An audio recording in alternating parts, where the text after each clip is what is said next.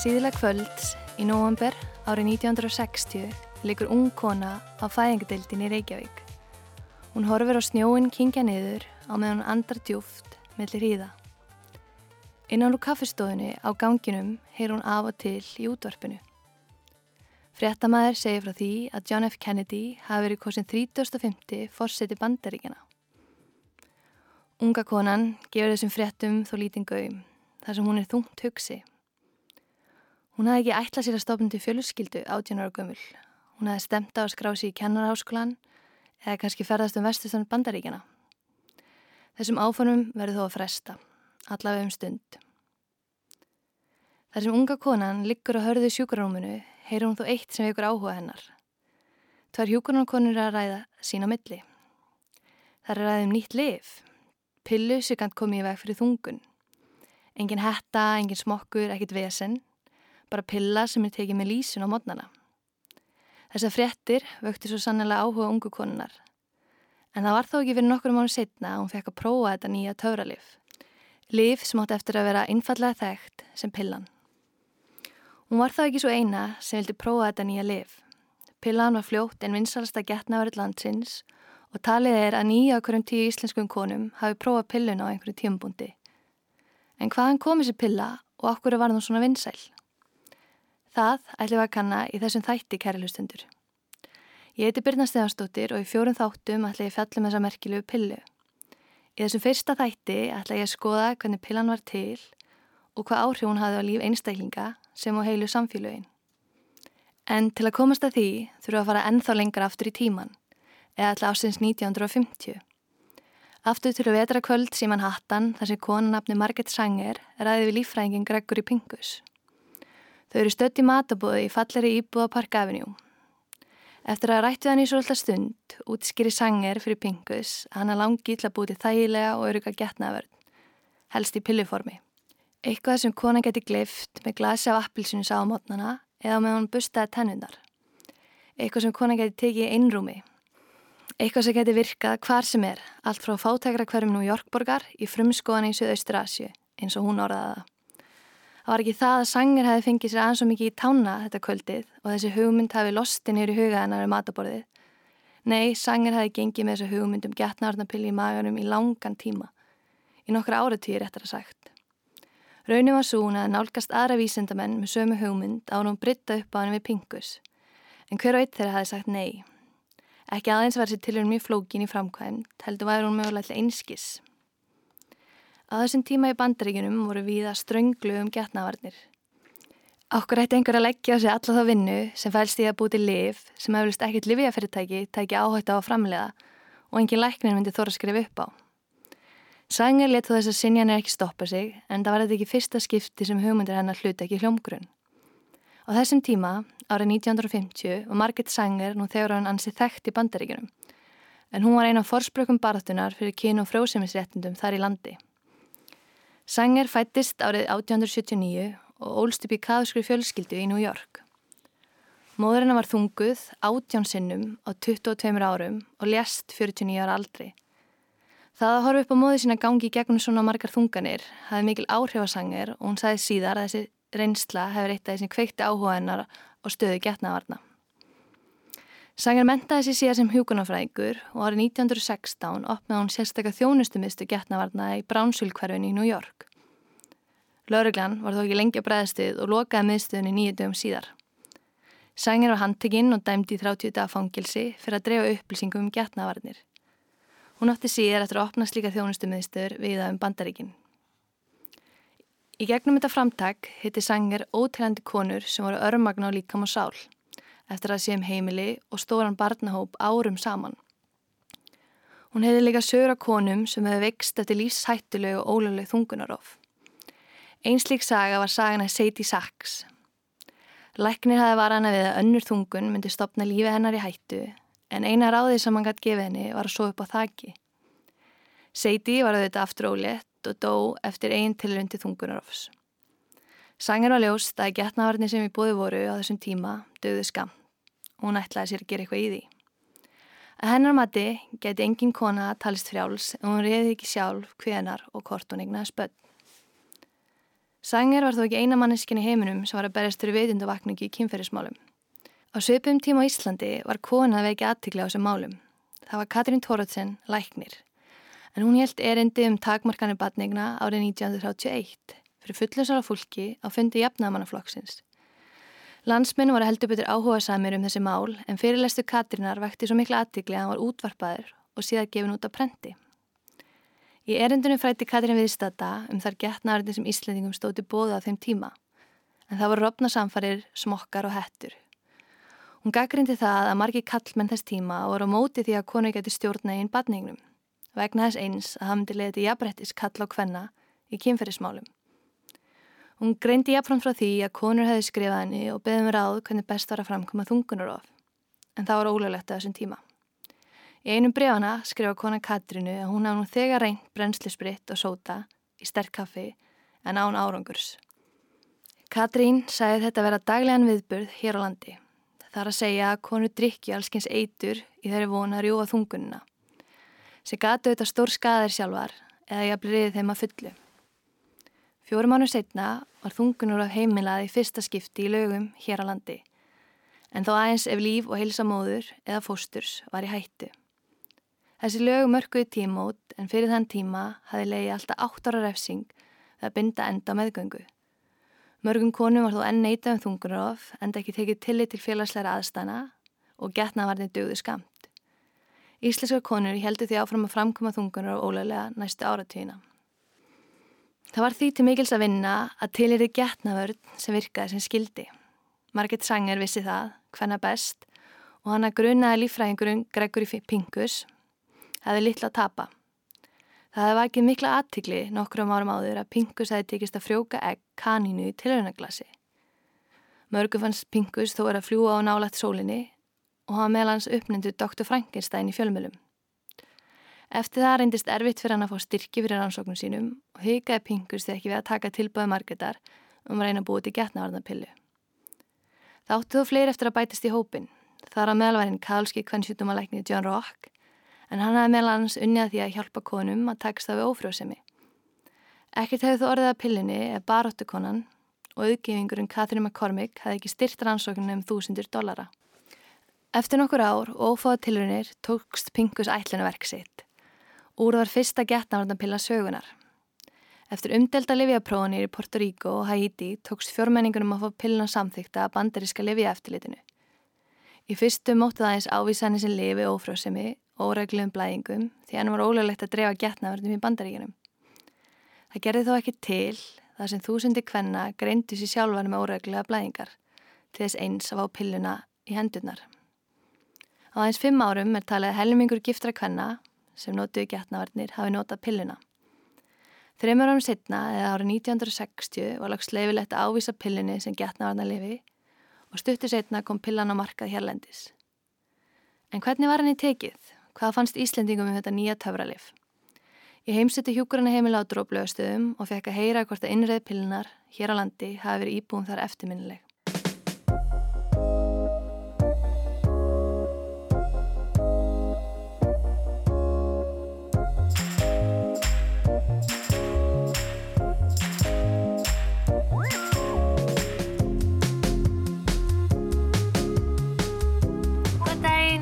Ólafíu. Já, ég glóma. Takk.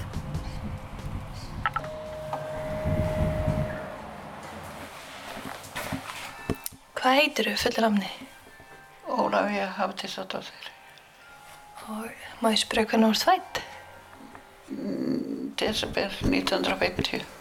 Manst þú eftir því þegar pillan kemur til Íslands? Já, svona ég með sko. Þetta var þótti alveg haffa pengur Já. fyrir marga konur. Svo vorum við fullt úr svo fennum. Það,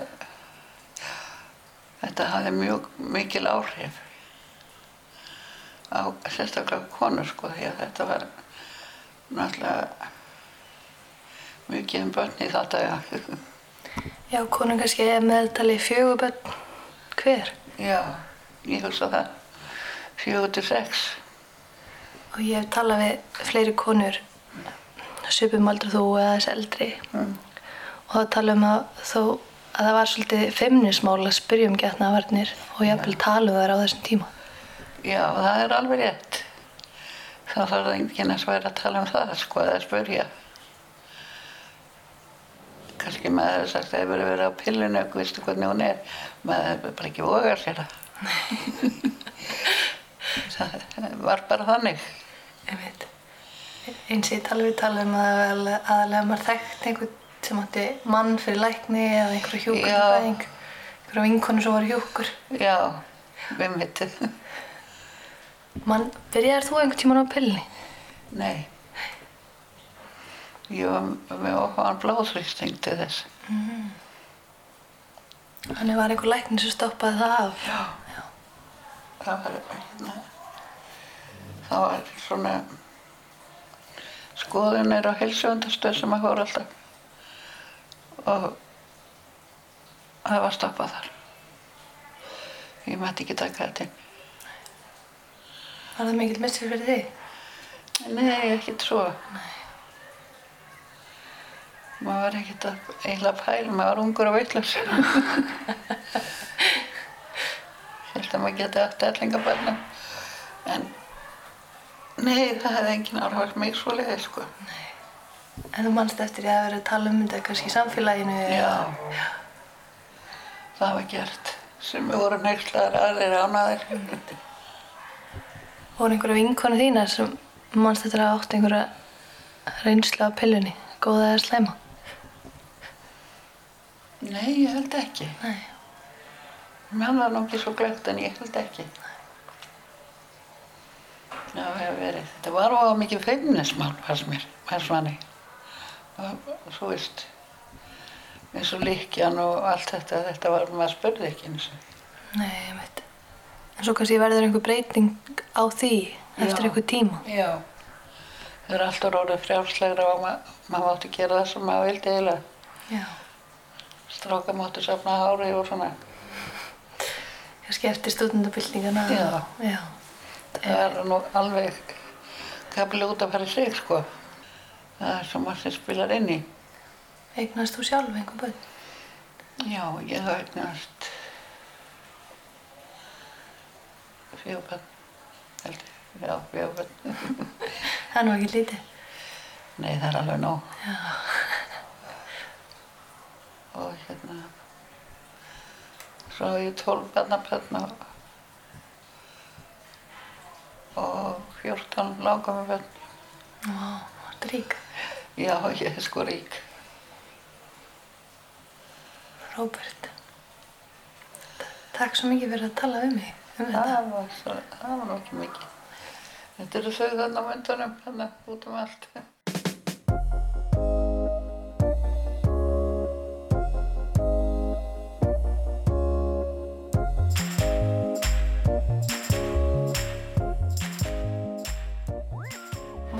Ég þú ert fættur, Ólafur?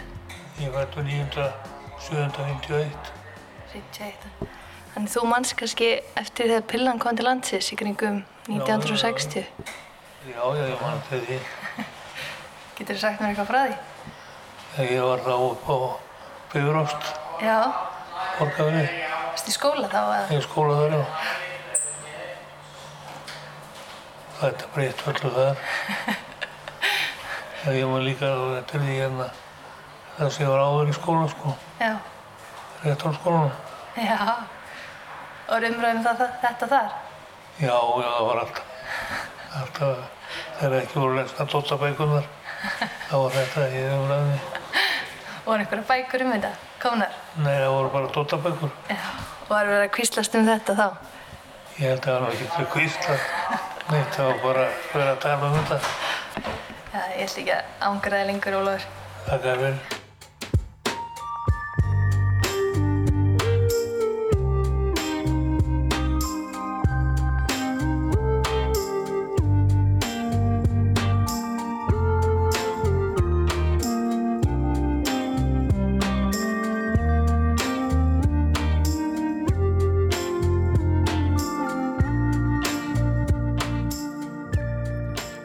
Heyrðu þau Ólafi Hafdísardóttur og Ólafi Haraldsinni íbúum á Dróflögastöðum.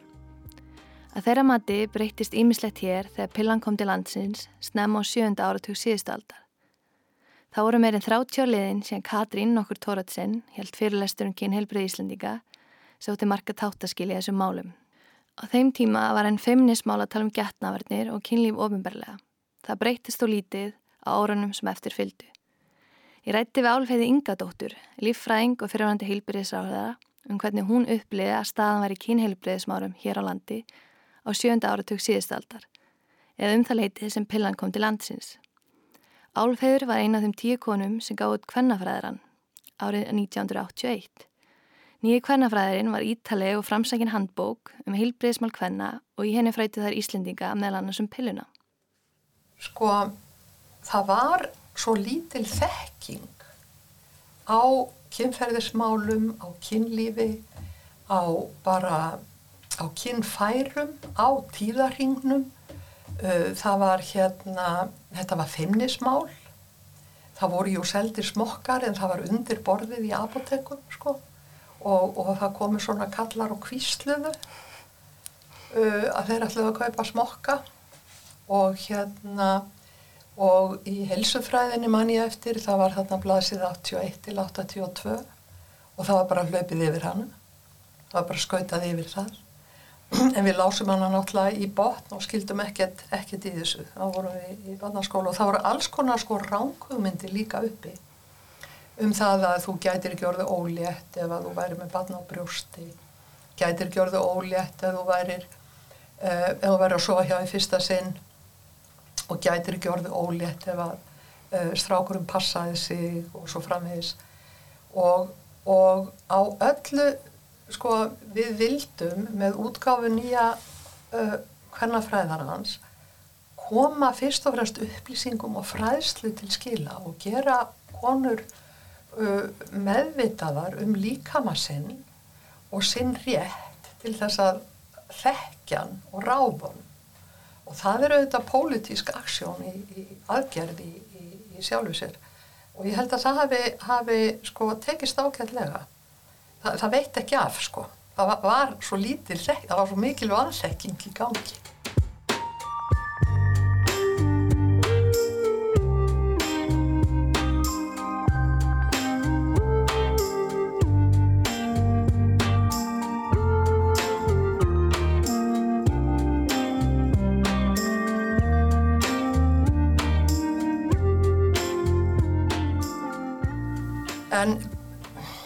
já, það var náttúrulega þegar pillan kom að þá var konum ekki treyst til þess að fá hana. Það var ekkit auðvelt að fá upp á skrifaða pillu þegar hún kom hérna fyrst uh, 1966 og ungum konum var, var þá vísað á uh, likjuna og uh, sem að við nú séð og heyrt af afleðingum um á Grænlandi núna undanfarið og uh, á hettuna sem var svona maus og, og eitthvað krem, drull og plast og svo bara smokkin. Veistu eitthvað okkur það var? Okkur er likjan stóð frekar til bóða eldur um pillan? Sko, pillan er náttúrulega hormónalið og, og, og er yngripp í hormónabúskap hvenna. Því verður ekkert neitað og þessum fyrstu árum þegar pillan kemur fram 1960 og, og framundir bara 1970 þá voru hormónalifi nýjani ansi sterk, markvælt sterkari heldur en þeir eru núna. Þau, uh, ég heldur síðan núna á þriðja, fjórðu kynnslóð pillunar og það fyrir að gefa hann allt öðruvísi heldur en hún, eða beitin allt öðruvísi heldur en hún var notuð til að byrja með. En þessi hormóna yngripp þó þau auðvitað séu nokkur þá er þau mjög einstaklismöndin hvernig þau virka á konur en þau eru alltaf miklu vægari og minni heldur en það að vera ólétt á hverju ári. Það er yngripp í hormonabúskapin heldur betur og inn í líkama og líf hvenna og þetta var náttúrulega eina öruga getnaðavörnin sem að þekktist. Fyrir utan það eins og ammæðna vinkonum minna saði að hafa ekki verknaði við. Það var svo gott hjá henni. En, en hérna þannig að sko konur sem ekki á, á hérna barnegna aldrei sem ekki nota uh, neina getnaðavarnir uh, 70-80, 90% þeirra verða óléttar á fyrsta ári í sambúð eða þegar það fara að stunda reglulega kynlíf. Þetta skýrir fyrir okkur þessar stóru sískinuhópa, ekki bara átta heldur tí og átján sískinni. Og þetta er það sem að reyni Tómas Gersson hefur kallað sko, hérna óbærilegu frjósemi hvenna sem að pillan frelsaði konur frá. Þetta hormóna yngripp eins og ég segi, það, það eh, er minna heldur en það var. Það var all nokkurt og það var mælt með alls konar kvíldum og, og, og þess að það. En ég tel upp á að það hefur verið minna heldur en badneignir á hverju ári sem var hinn valkostum.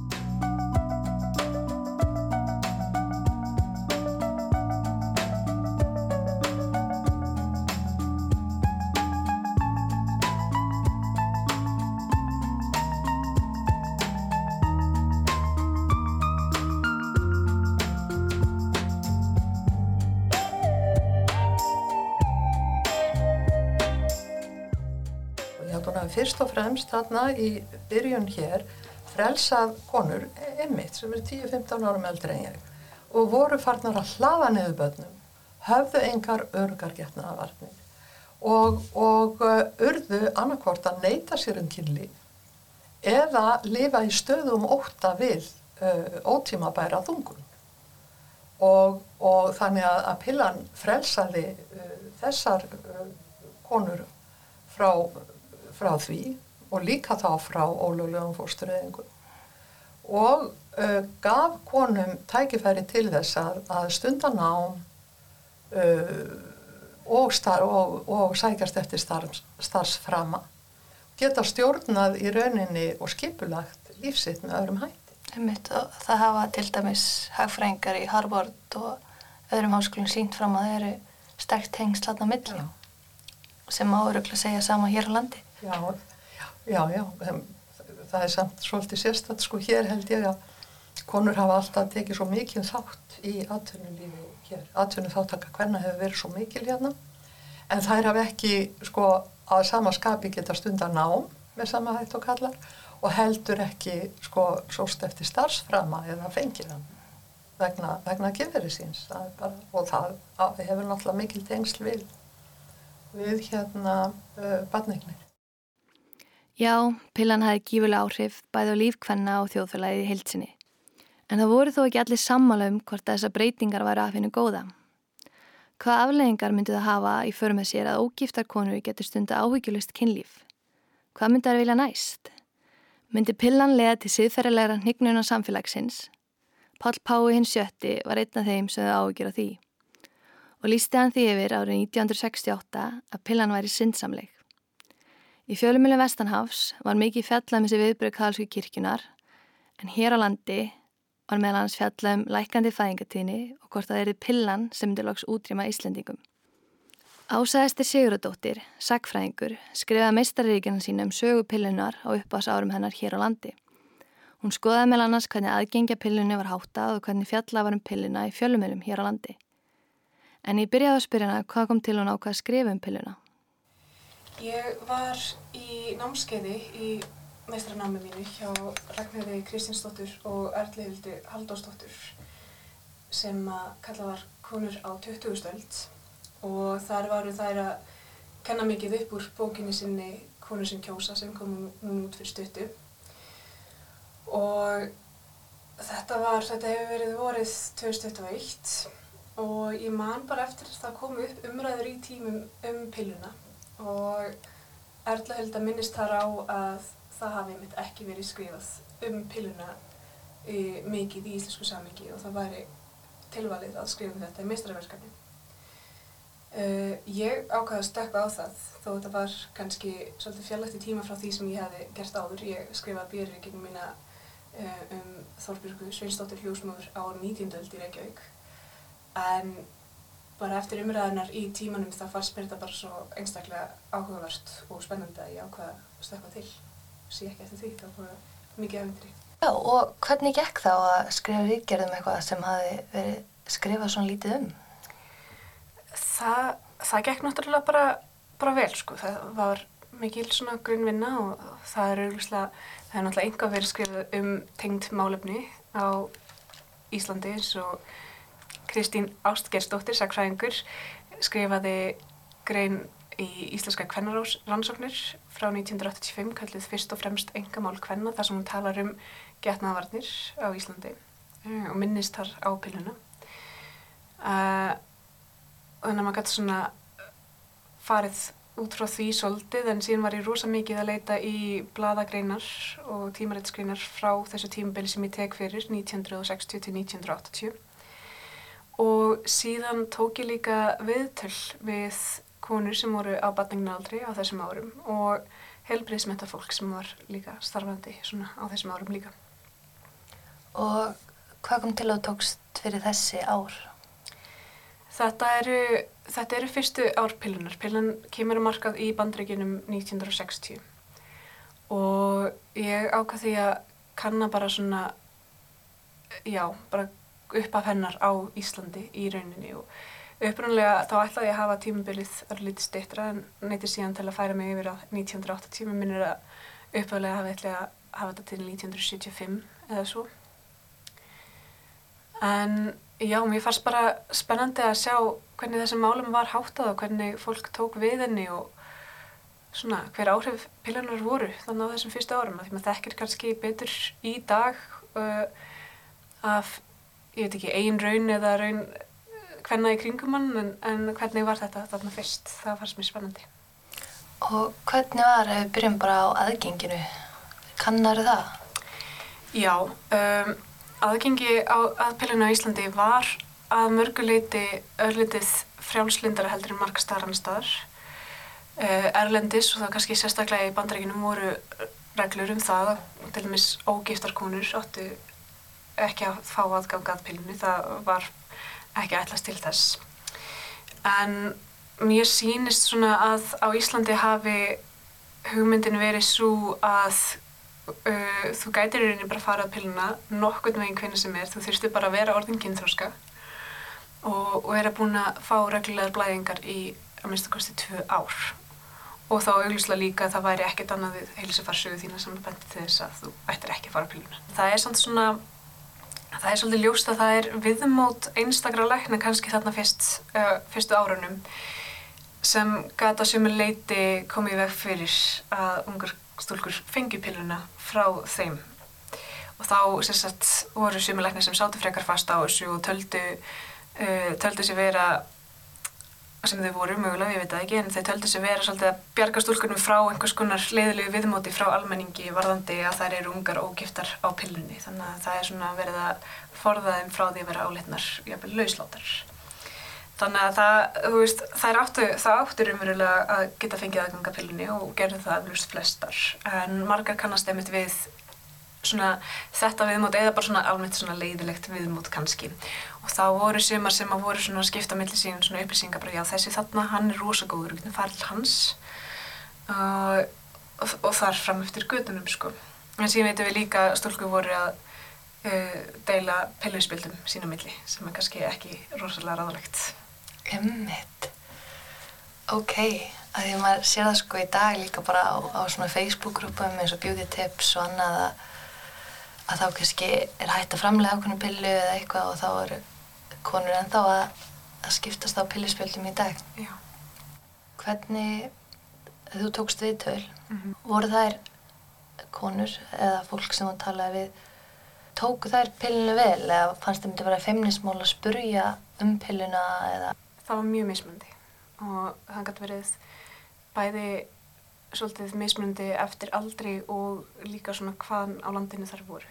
Þannig að það, það var bara svolítið upp og ofan fannst mér með það svolítið. Sumum fannst þetta að vera eh, rosalega hverstaslegt og bara eins og taka hvert annað leif í rauninni meðan aðrir uh, töldi þetta vera, hafa verið rosalega vandræðilegt og, og, og mátti alltaf tala um þetta sko. Þannig að það er mismunandi.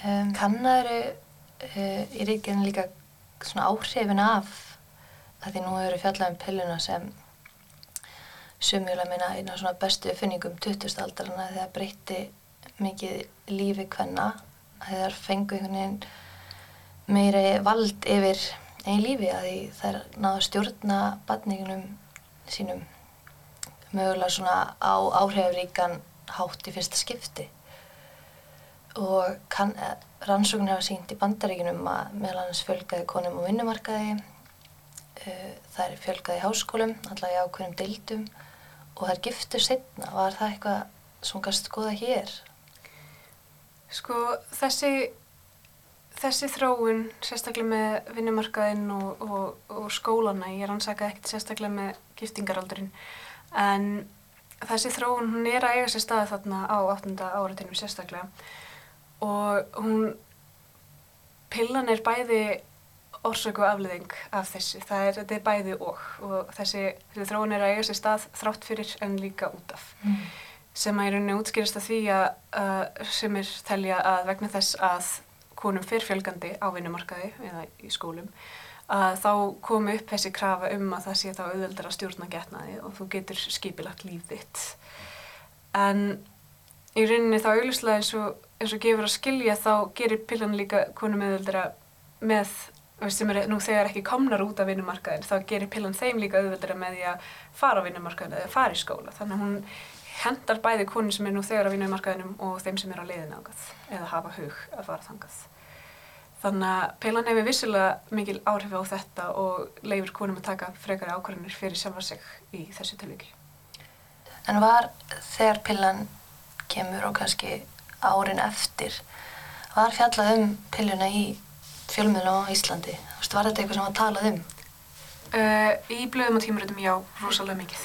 Ég nefnir svona þrjá, þrjá helstu umræðipunta í blöðum og tímaritum á þessum tíma sem er þá aukaverkarnir sem voru lang fyrir ferðmestar, uh, möguleg fólksfækkun í kjölfarpillunar sem reyndist vera bara svolítið svona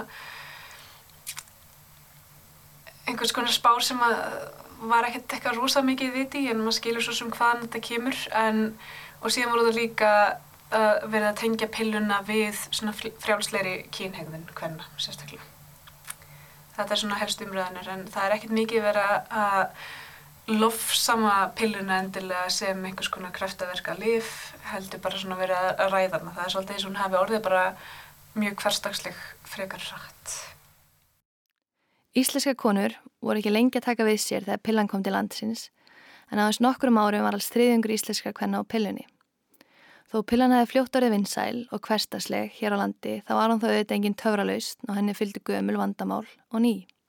Það er rauninni í tala um sem sagt að hún hef ekki leist öll vandamálinn og þá til með sjáuð það að þörfin á neyðarúræðum líkt og þungunarofi er ennþá til staðar því að pillan er ekki 100% örug þó hún sé það örugasta á markaðinum og því er það er mitt hluti af þessar hugmynd um sjálfsákvörnurrétt hvenna þær verða að geta þá fengið aðgengi að þessum neyðarúræðum og þessi nýja vandamáli eru kannski frekar auglust, það eru þessar aukaverkanir svona einna helst. Að þetta eru, eru heilbreyðar konur sem eru að taka líf sem að breyta líkamstarfsmunni og, og þá er svolítið svona að talað um að þólið fyrir aukaverkunum í þessu tilfelli sé kannski minna því að það fylgir náttúrulega aukaverkunur öllum lifjum en þegar þú ert heilbreyð að taka inn eitthvað lif og upplifi sín, síðan þessar aukaverkunir þá er alveg góð möguleiki á því að þær fari mun frekar í taugunar á þér af því að það er ekki verið að lækna þig af einhverju sérstök. Og það er kannski líka bara mikilvægt að minnast á að þegar við erum að tala um pilluna á þessum árum að hún er allt öðruvísi heldur en það sem við sjáum í dag. Það eru, ég held að það hefur verið eitthvað í kringum 100 mikrogrum af estrogeni í pillunni þá meða við eitthvað í kringum 30 mikrogrum í dag. Þannig að fólk áðurstundum til að setja saman sem merki á milli pillunar þá og pillunar í dag eins og þetta sé sama lifið. Það er bara, bara heiminn haf þarna á milli að því að uh, eins og ég skil þetta best þá er um, mingað estrogenmagn mingar þá bæði líkur aukaverkunum og áhrif þeirra. Þannig að uh, pillan er, já ég skulle segja pillan er kannski ekki eins hættileg og hún gæti verið þá. Einhverju átala um að vissilega var þetta svo mikið frelsi og og jók sjálfsókunarétt hvenna en að það hafi ekki kannski gert það sem einhverju vonast eftir að færiði ábyrðina á barnignum eða getnaði yfir á kallmi líka. Bæði verður til kannski önnur líkamlega byrði á konur og líka einhvern veginn kostur að þetta gast tekið eitthvað líka leini. Það þurfti ekki að koma inn við einhverju sem varst að kynlífi með eða hverjum sem er í lífinu en það líka einhvern veginn jók ábyrðina á að sjá um þetta allt saman. Já, það, það var náttúrulega uppálega pælingin með pilluna. Það var það sem Margret Sanger vildi. Hún vildi að pillan væri hönnuð handa konum og þetta væri liv sem þær myndi taka óháð kynlýsatöfninni sjálfri. Í rauninni mestaleit út af þessu og við veitum alveg um dæmi um konur sem að voru ósamala eiginmönnum sínum um hversu mörg börn þau ættu að eiga og þetta gáttu verið svolítið erfiðar samræður. Og þar alveg kemur pillan fram sem þessi jákvæða ábyrð hvenna en síðan setjum mér fara konur að setja svolítið upp á móti þessu að þetta sé þeirra ábyrð sérstaklega kannski út frá þessum aukaverkunum sem fylgja pillunni og þá er það svolítið mikið svona af hverju er það bara við sem þarf að taka ábyrða á þessu sem er rosalega áhugavert í ljósi Margaret Sanger mitt það því hún sagði að því að þið verðið óleittir og berið batnið og fæðið batnið og alið batnið upp sem náttúrulega búið að breytast svolítið með tímanum að þær berið einar ábyrð á uppeldinu. Margaret Sanger fekk ósk sína aðlögum uppfylda. Með tilkomum pillunar gætt stórluti hvenna vali hvenar og hversu mörg börn þar ættu. En Sanger hafði eins og líka skoðun að því hvaða konur það væri sem ættu eignast börn.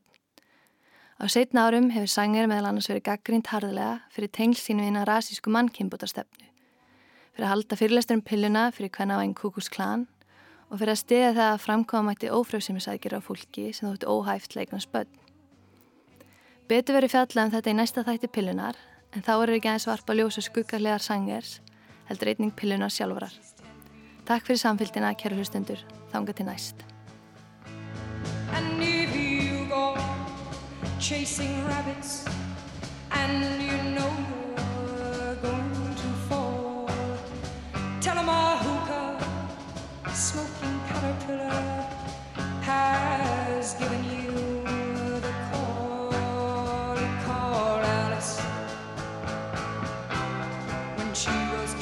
small.